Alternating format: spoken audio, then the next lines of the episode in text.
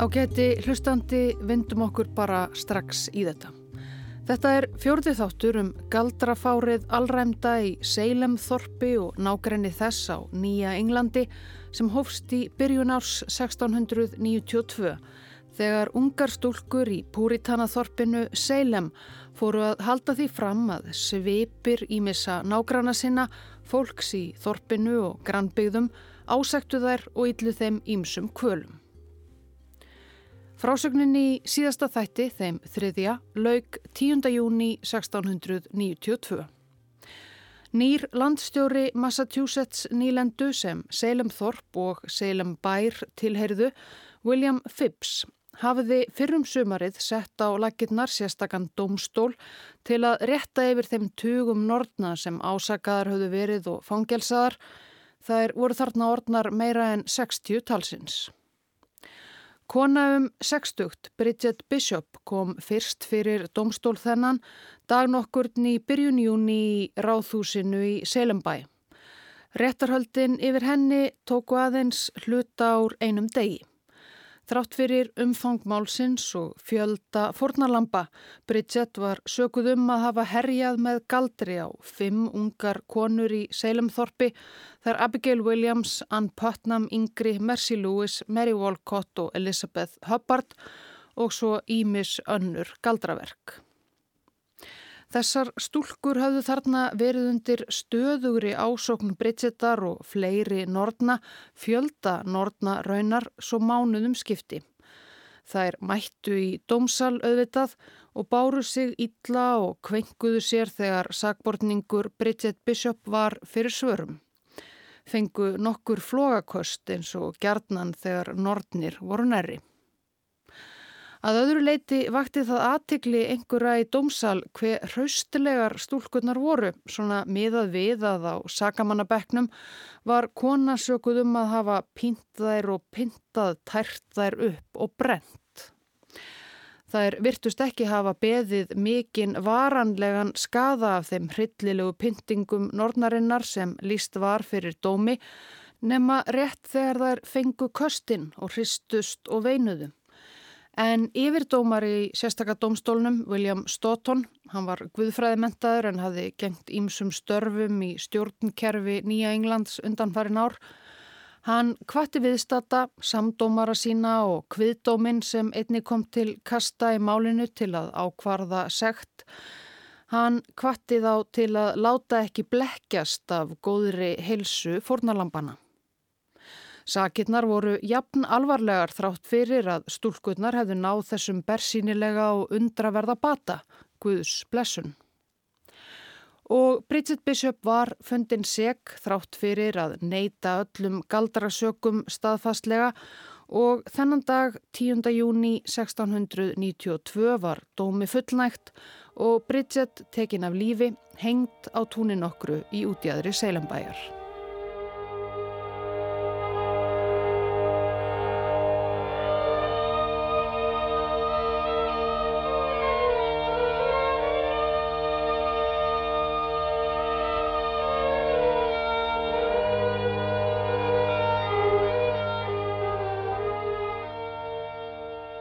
Eftir að Bridget Bishop var fundin seg og tekin af lífi tók sérstakki domstólinn í Seilambæ sér hlje.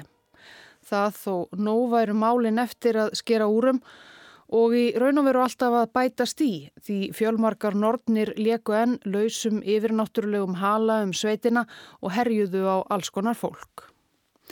Í Seilem Þorpi, í bænum og grannbyggðum kvartaði fólk unnvörpum undan ásókn Nortna, hvort sem það voru nágrannar þeirra eða fólk sem það þekkti ekkert, hafði þó kannski heyrt eitthvað misjamt um. Friðdómararnir John Hawthorne og Jonathan Corvin höfðu enni nógu að snúast við að kanna ímsar sögur sem þeim bárust, yfirheyra ásakaðar, nortnir og stinga þeim í steinin.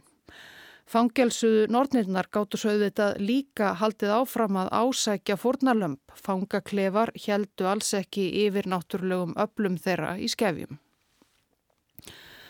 Flestir sagbortningar neituðu öllum sökum en þarna var svo komið að af og til voru einhver sem játuðu. fjellust á að hafa vissulega gengist djöflinum á hönd. Það varð algengara eftir því sem leið á málaregsturinn. Þau sem játuðu bentu þá oft á eitthvað samferðafólk líka og sögðu það meðsegt hafa tekið þátt í hinum og þessum myrku atöfnum og ítlu galdraverkum. Allt slíkt þótti fulltrúum yfirvalda auðvitað sérlega gagleir vittnisspörðir. Það liðraunar meira en tvær vikur frá aftöku Bridgetar Bishop þar til næstu málaferðli við sérstakadómstólinn svo hófust. Það var líklegast 28. júni 1692.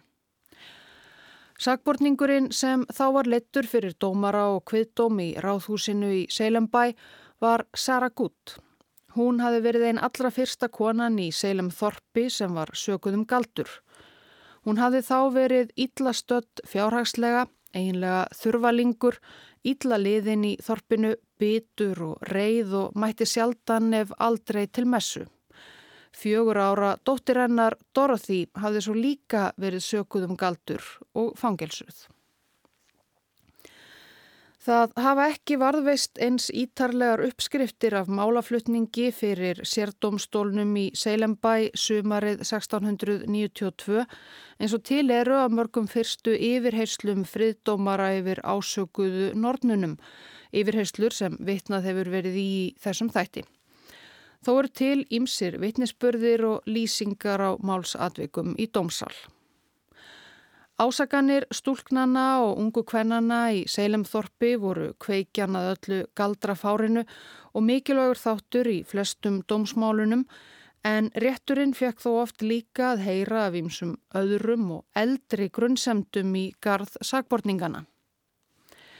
Hjón nokkur vittnuðu um að þau hefðu skotið skjólshúsi yfir hinn að sára fátæku Sörugutt og eiginmann hennar fyrir þremur árum en Sara hefði reynst svo örg, erfið og ítli viðregnar að þau gáfust upp á góðverkinu og neittust til að reka bæði hana og eiginmann hennar á brott.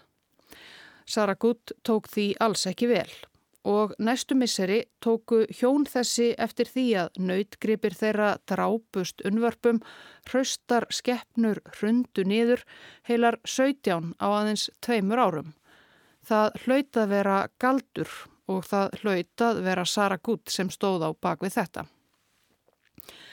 Nefnd voru svo til sögunar fleiri galdraverk Söru Gutt. Hún hafi byrst Elisabeth Hubbard í Seilemþorpi í Úlfslíki.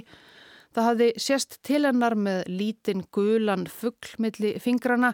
Það var eitt lífsegt nornatáknið sem stúlkunnar sáu í sífellu. Hún hafi sérst á flögi um húsakinni heiðvirs fólks berleggja og berbrjósta og svo framvegs. Sara Gutt var fundin seg um galdur og ásóknir, hún var dæmt til dauða.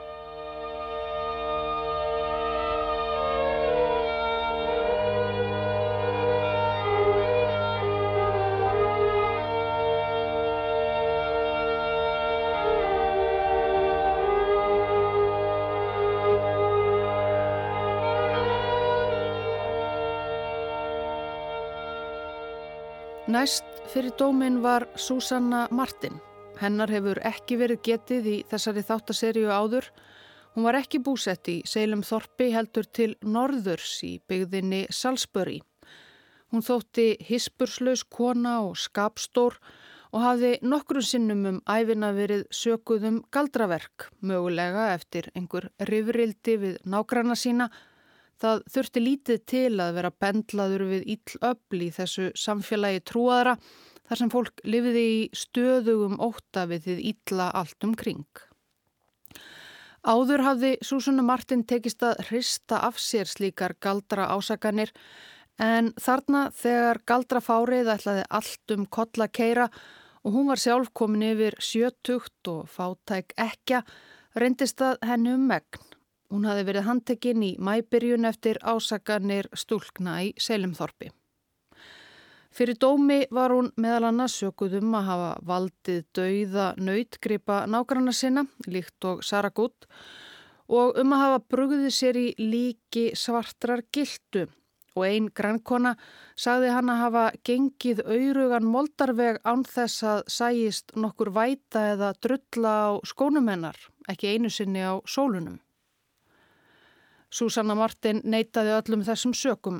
Hún hefði lifað guðrættu lífi alla sína æfi, sagði hún, en það dögði ekki til, hún var fundin seg og dæmt til dauða. Það var nefnilega hægara sagt en gert að reynsa sig af ásökunum um galdur. Ef að meint Nordn neytaði staðfastlega sökum var það oftar en ekki tekið sem eins konar sönnun á sekt hennar að Nordnin væri bara að reyna að sleppa og fríja sig ábyrð. Það er Nordnir sem játuðu sekt sína í þessum málarekstri öllum fengu svo yfirleitt skári meðferð en þær sem heldu fram saklísi sínu fengu jafnvel að lifa þegar aðrar voru líflátnar.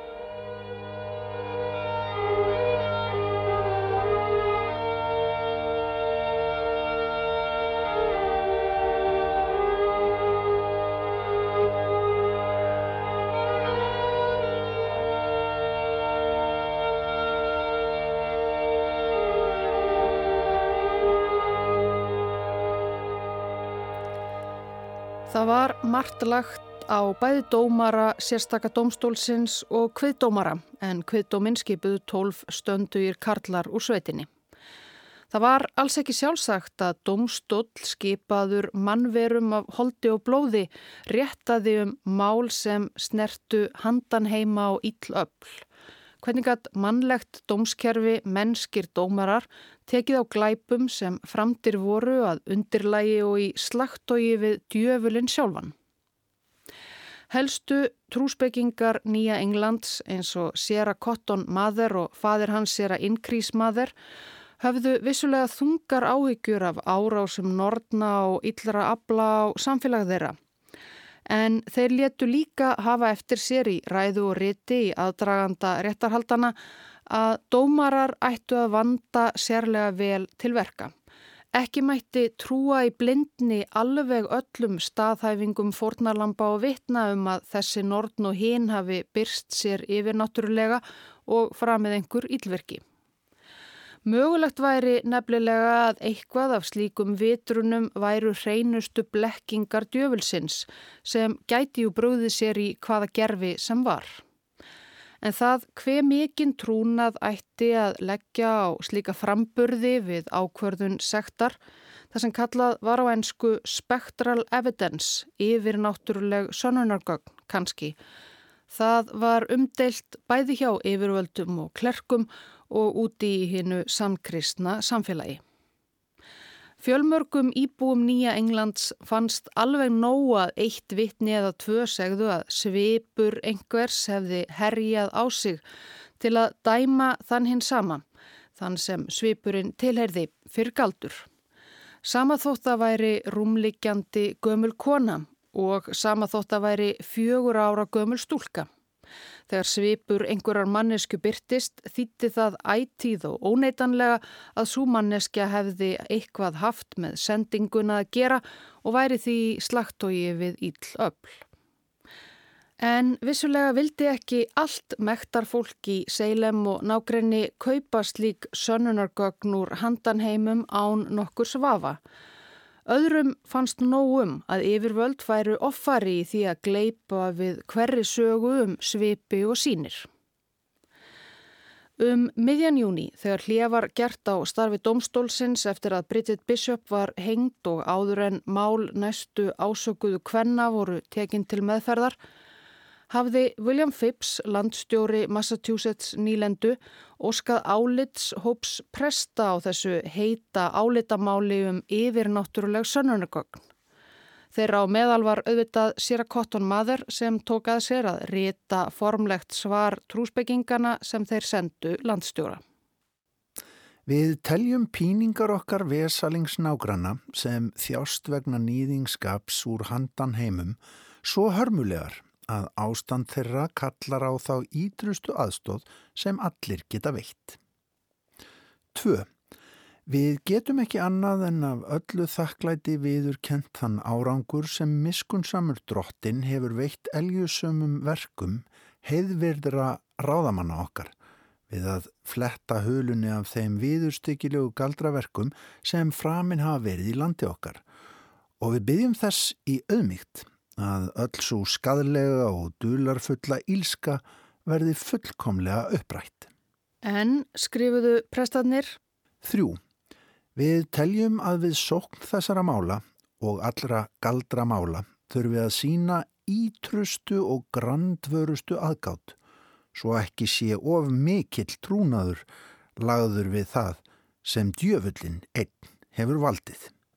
Ellegar geti dyrnar opnast að mörgum ömurlegum afleðingum og satan náð yfirbörðum yfir okkur. Því megum við ekki hunsa klæki hans. Hinnir undirrituðu Guðsmenn undirstrykkuðu sem sé líka að ekki mætti trúa öllu í framburði fornarlampa upp á hinn ásökuðu. Síðar í svarinu var sagt reynd út. Forsendur þess að fólk sé dæmt segt um galdur ættu að vera umfangsmeiri en einungis þær að sagbortningur sá hafi byrst fornarlampi sem svipur. Þar sem það er óumdeilanlegt og velþægt að djöfullin getur við yllvirki sín bröði sér í líki saklausra manna, já, líka digðúra manna. Það var reyndar ekki svo að öll sönnunargögn í galdramálunum við domstólinn í Seilembæ væru alveg yfir náttúrulegs eðlis. En prestarnir vöruðu lögspekingana líka við því að leggja ofmikla vikt á helstu áþreifanlegu sönnunargögnin sem domstólinn gatt tekið til skoðunar. En þau var helst að finna að því er talið var á líkumum sagbortninga, svo kalluð Nordnamerki. Kenningin var að á líkumum Nordna mætti finna áþreifanleg ummerki um samning þeirra við djöfulinn eins konar brennimerki sem Kölski hafði mert eign sína með. Það gæti verið varta einhver staðar á líkamannum, eitthvað ör, húðflipi eða fæðingablettur. Sagbortningar í Seilem þurftu því að sæta líkamlegum rannsóknum auk yfir heislana og það var yfirleitt hægt að finna á öllum einhverja anmarka eða bletti sem tólkamætti sem nortnamerki, það á ánefa viðum okkur flest og þar með áþreifanlegar sannanir um að viðkomandi hefði gengist djöflinum á hönd. En slík merki gatt djöfullin sjálfur af sínum mikla ítla mætti auðvitað líka galdrað fram á líkama saklausra manna og hvenna sem alls ekki höfðu sjálfvilju gengið til liðsviðan, skrifuðu Sera Kotton og kollegar hans. Í lok brefsins til landstjóra Massachusetts kvöttu guðsmennir yfirvöld enguða síður til að ganga hratt og öruglega til verka þessi nortnapláa yrði að enda.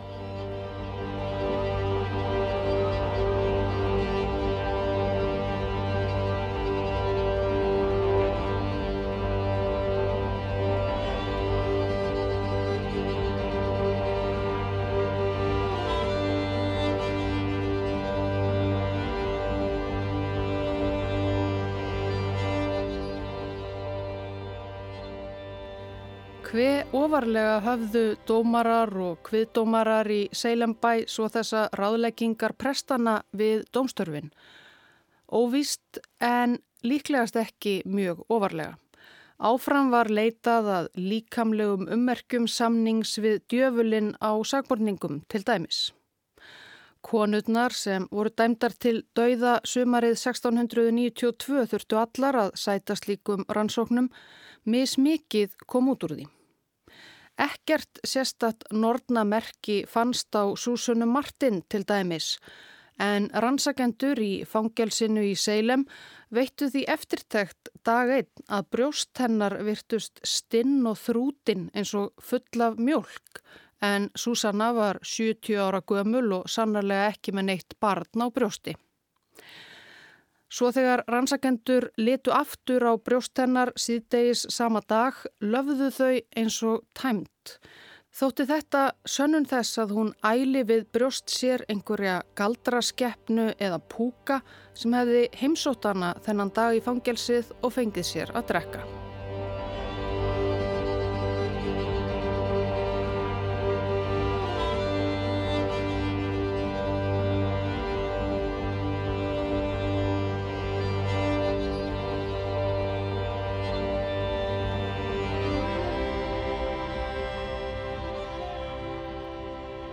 Rebecca Nurse var þriðja manneskja fyrir sérdómstólinn í Salem Bay 30. júni 1692. Rebecca var líka með þeim fyrstu sem stúlkurnar í þorpinu sökuðu um galdur. Það hafði mörgum þótt sjokkerandi ásökun. Rebecca, komin yfir sjötugt líka, var þekkt í sveitinni sem góð og guðrætt kona og varla hafði misjamt orð verið sagt um hana áður. Fyrir domstólinn kom nú líka fjöldi manns sem bar Rebekku góða söguna eina, bæði ættingar hennar og nágrannar. Sjálf var Rebekka slæm til heilsunar og að auki á nefa venguð eftir langa dvöli fangaklefa. Hún heyrði orðið lítið og skildi því varla hvað framfór í domsalnum. Það fór þó varla á milli mála þegar brá til sérstakra tíðinda.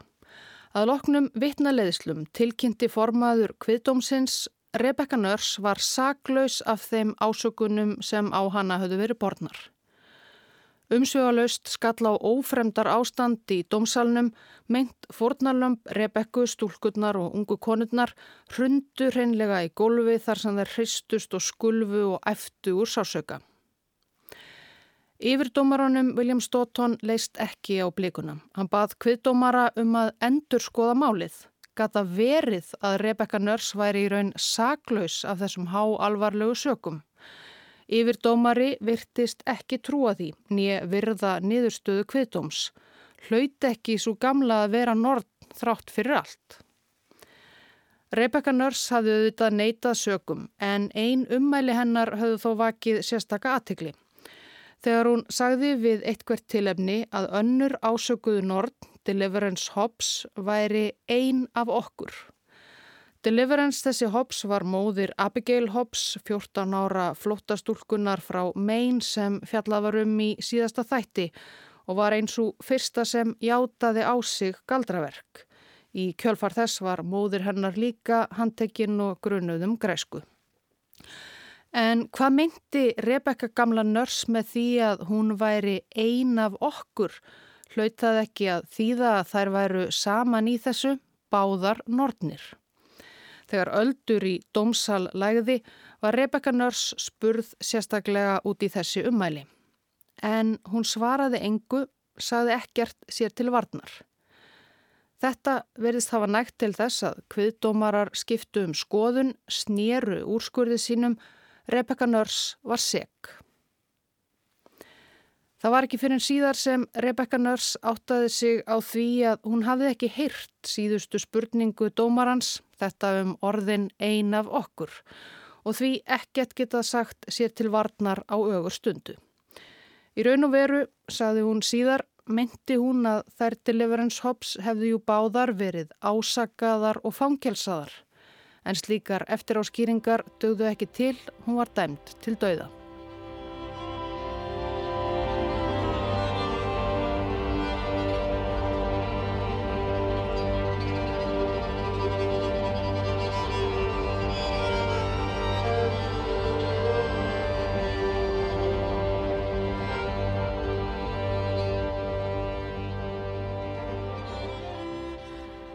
Fjöldi fólk smætti líka fyrir dóminn til að vitna um gott innræti næsta sagbortnings.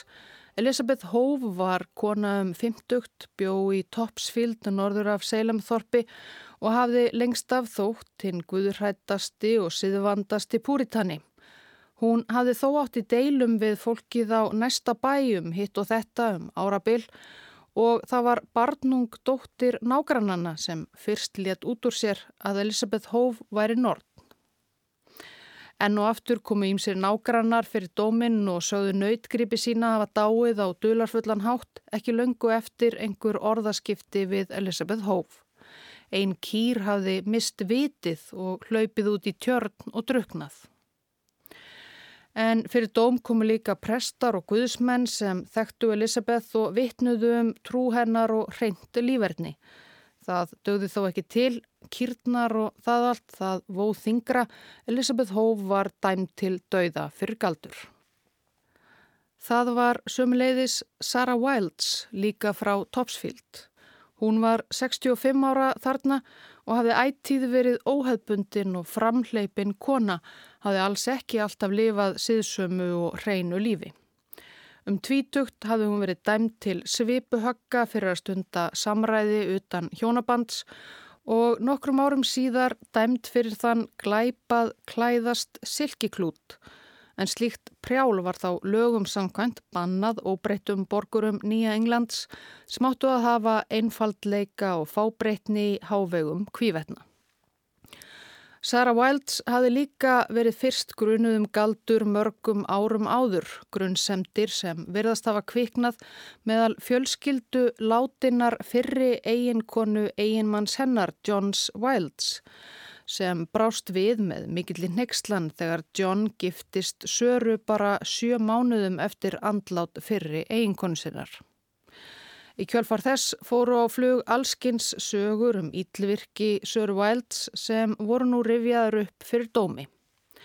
Tveir bræður báru vitni sögðust árið 1674, átján árum áður, hafa ætlað að fá orf lánað hjá Sir Wilds.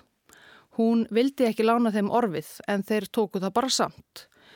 Þegar þeir hafðu lokið heistörfum með stolna orfinu fór allt í handaskólum, þeir mistu stjórn á hestvagni sínum og heið lendi ofan í læk. Þeir kendu auðvitað göldrum Sörvælds um þetta. Sistir bræðra þessa reyfst líka eitthvað við Söru um orfið og heið í framhaldinu og nóttina á eftir þar sem sistirinn lág í rúmi sínu fann hún að köttur tipplaði ofan á henni en sjálf átti hún engan kött. Þetta hlaut því að vera yfirnáttúrlegur köttur sendur til hennar af henni ítlu Sir Wilds. Og svo framvegs. Seilem Þorps stúlkur heldu því að þetta líka fram að svipur Sir Wilds hefði ásótt þær og pintað á ymsanhátt og þær lágu í köstum og kvölum og meðan vitnaleðslum stóð. Og niðurstaðan varð svo sama, Sarah Wilds var nord dæmt til dauða.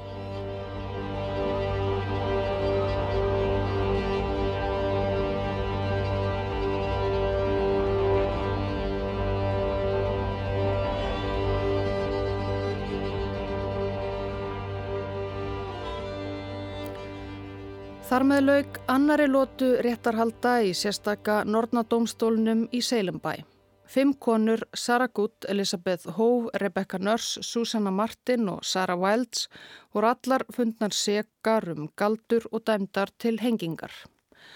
Á sérlega heitum sumarmorni 19. júli 1692 voru konurnar fimm fluttar á hestvögnum, hlekkjaðar eða bundnar á höndum og fótum frá Seilem bæjarfangelsinu út á túnið í útjæðri bæjarins þar sem Bridget Bishop hafði áður tekið sín síðustu andartök. 39 íbúar í Seilem Þorpi í bænum og grannbyggðum höfðu nokkru fyrir skrifað undir skjál Rebekku Nörs til stuðnings þar sem yfirvöld voru kvött til að endur skoða dóm hennar. Hún væri guðurrætt, heiðvirð kona og engin nord. Fips landstjóri tók við skjálinu en það bar samt engan árangur. Rebecca Nörs var þarna á túninu með hinnum konunum. Sara Gutt var fyrstað gálganum. Játaðu, sagði presturinn sem fylgja átti þeim döðadæmdu síðasta spölinn, séra Nikolas Nóis. Játaðu svo þú degir ekki ligari. Þú ert ligari, reyti Saragut út úr sér, ílskeitt út í það síðasta. Ég er ekki meiri nordn en þú sjálfur ert galdrakarl og ef þú sviftir mig lífinu, megi Guð þá gefa þér blóð að drekka. Þetta með blóðið er vísun í versi í ofinberunarbókinni, en þessi hinstu orð söru gutt þau rivjúðust upp fyrir fólki aldarfjörðung síðar árið 1717 þegar æð sprakk í heila prestsins sér að Nikolas Nóis og hann lést með munin fullan af eigin blóði. En engin hvernana játaði á sinni hinstu stundu þarna á túninu, allar sögðust þær saklausar þegar þær fóru í gálkan. Líkamsleifar þeirra voru svo dísjaðar við þapnar lítið ekki langt frá aftökustadanum en eftir sólsettur komu ættingjar Rebekku Nörs og grófu upp líkennar og fluttu það heim þar sem það fekk að kvíla.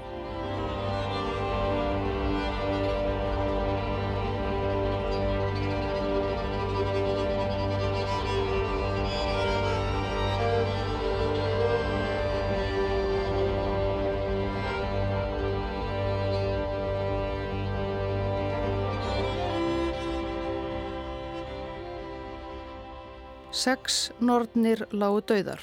Svipir þeirra plöguðu ekki lengur í búa Seilem og nágrænis en enn voru fangaklefar í Seilem bæ og í Boston uppfullir af grunuðum nornum af öllum stærðum og gerðum og enn loguðu sveitir í ásóknum og galdri.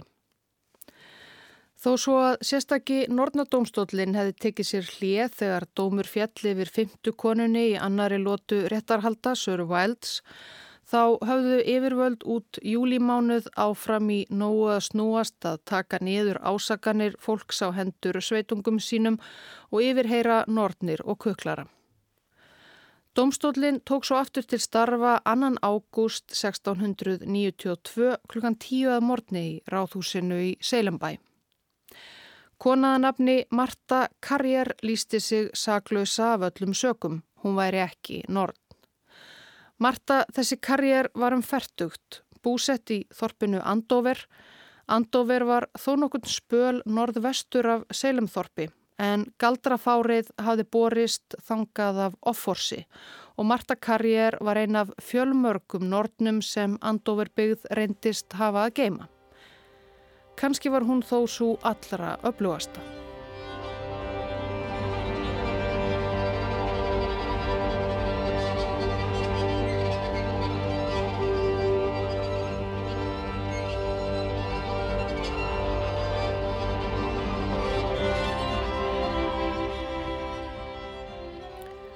Líkt og hjá fleiri sagbortningum þá hafði um nokkra hríðverið orðrómur um að Marta Karriér hefði eitt hvert óhreint mjöl í pokahorninu. Það tal upphófst líklegast höstið 1690 þegar Marta flutti með einmanni sínum Tómasi Karriér og börnum þeirra aftur heim til Andover eftir að hafa búið í grannbyggð nokkuri um hríð. Um svipaleiti og þau komu fór bólusótt að geisa í Andover. Bólusótt var skætt og sífelt vandamál kvarvetna á Nýja Englandi en af einhverjum ástæðum var karjérfjölskyldunni þarna kentum að hafa komið með sóttina til Andover.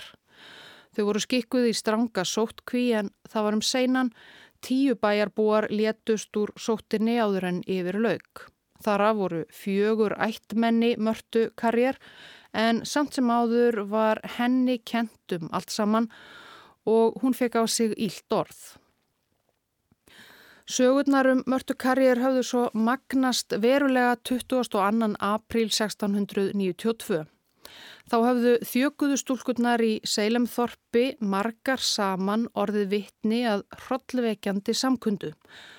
Út á tún við prestsetrið í Þorpinu kom heil hersing af nortnum fljúandi á kústsköftum yfir frá Andover. Fremst í flokki fór Marta Karriér greinilega leðtóið þeirra. Andover nortninnar komu sér svo dægilega fyrir undir trí og fengu sér brauð og ost á meðan enn fleiri nortnir flyktu stað úr öllum áttum. Svo byrtist meðal þeirra íllur prestur sem pretikaði yfir söpnuðinum pókrinum til dýrðar og fóri yfir djöfuleg áformum að ráða nýðurlögum kristinar trúar fyrst í Seilemþorpi og svo á öllu nýja Englandi. Þekktar nortnir eins og Rebecca Nurse og Sarah Good deildu út sakramenti á meðan. Þorpsstúlkurnar lístu þessu helgihaldi í ítarlegu máli um leið og það fór fram. Einhverjir þorpsbúar reyndu að dangla príkum og lurkum þarna á túninu þar sem þær fullirtu að nortnir og yllir andar sætu en án árangurs djöblamessan helt áfram. Gott ef satt hann sjálfur satt ekki þarna á túninu líka við hlið mörtu karjar. Presturinn sem Þorps stúlkur sögðust sjá predika var Sira George Burroughs. Burroughs þessi umfertugt líka þarna, hann var af lýsingum samtímamanna að dæma yfirburðamadur. Hann hafði skarað fram úr í Guðfræðinámi í Harvard skóla í Boston. Hann var sjálfsörugur og viljasterkur, einbeittur og ákveðin og að auki mikill íþrótakappi, stæltur og nöytsterkur þó hann væri heldur smávaksinn. Svo þótti hann líka fjallmyndarlegur og mikið kvennagull, presturinn. Hann var líka enneitin guðsmaðurinn sem hafi ráðið sig til starfa sem sóknarprestur í Seilemþorpi en gengið ítla að fá greitt um samin laun. Hann hafði því neðst til að fá lánað fjö af ímsum þorpsbúum til að hafa í sig og á og endanum röklast burt, slippur og stór skuldugur. Hann hafði undanfærin ár gengt prest þjónustu á stríðshrjáðum útmörkum ennsku nýlendunar norður í megin og oftar en einu sinni sloppið numlega í skyndi árásum stríðsmanna frumbyggja á landnefabegðir. En svipur sér að George Burroughs hafði sumsjum leið líka haft í nógu að snúa í Seilem. Það var Ann Putnam yngri, 12 ára og sérlega stórtækur ásakandi Nortna sem hafi fyrst séð honum bregða fyrir gamla prestinum nokkrum dögum fyrir Nortna samkunduna á túninu. Kanski tengdist það eitthvað því að það var hennar fjölskylda, Pötnam fólkið, sem Sera Burroughs var helst í skuld við. En kannski tengdist það málinu ekki neitt. Allavega eftir lýsingar stúlknana á Nortnasamkundunni 22. april var það alltalað í sveitinni að það væru þau sér að George Burroughs og Marta Carrier frá Andover sem væru höfuð paurar í þessu öllu saman, hryllingnum sem herjaði á sveitina. Fleiri svakalegar sögur af ílvirkjum þeirra og ofbeldisverkum fóru á flug. George Burroughs og Marta Carrier voru ekki bara handbendi djöfulsins heldur urðu þau að endingu þekkt sem konungur og drottning helvítis. George Burroughs var sóttur til handtöku alla leið á blóðvellina í mein snemma í mæmánuði. Það var stittra fyrir fulltrúa yfirvalda að fara að handtaka mörtu sem gert var síðar í sama mánuði og Marta Carrier var sem sé fyrst flutt fyrir domstólinn í ráðhúsinu í Seilembæ annan ágúst 1692. Veitnisspurðirnir um galdraverk hennar voru svo svakalegir í þetta sinn að meira að segja söður í Boston var Sira Cotton maður sem hafi kvart til vandvirkni og hóflegra evasemta um yfir náttúruleg sönnunargögn, hann var fullvis um sekt hennar. Marta Carrier var drottning helvítis og eins og Sira Cotton orðaði það í bók sem hann síðan skrifaði reynd hömlulegs herfa. Ekki að undra að hún var fundin seg og dæmt til dauða.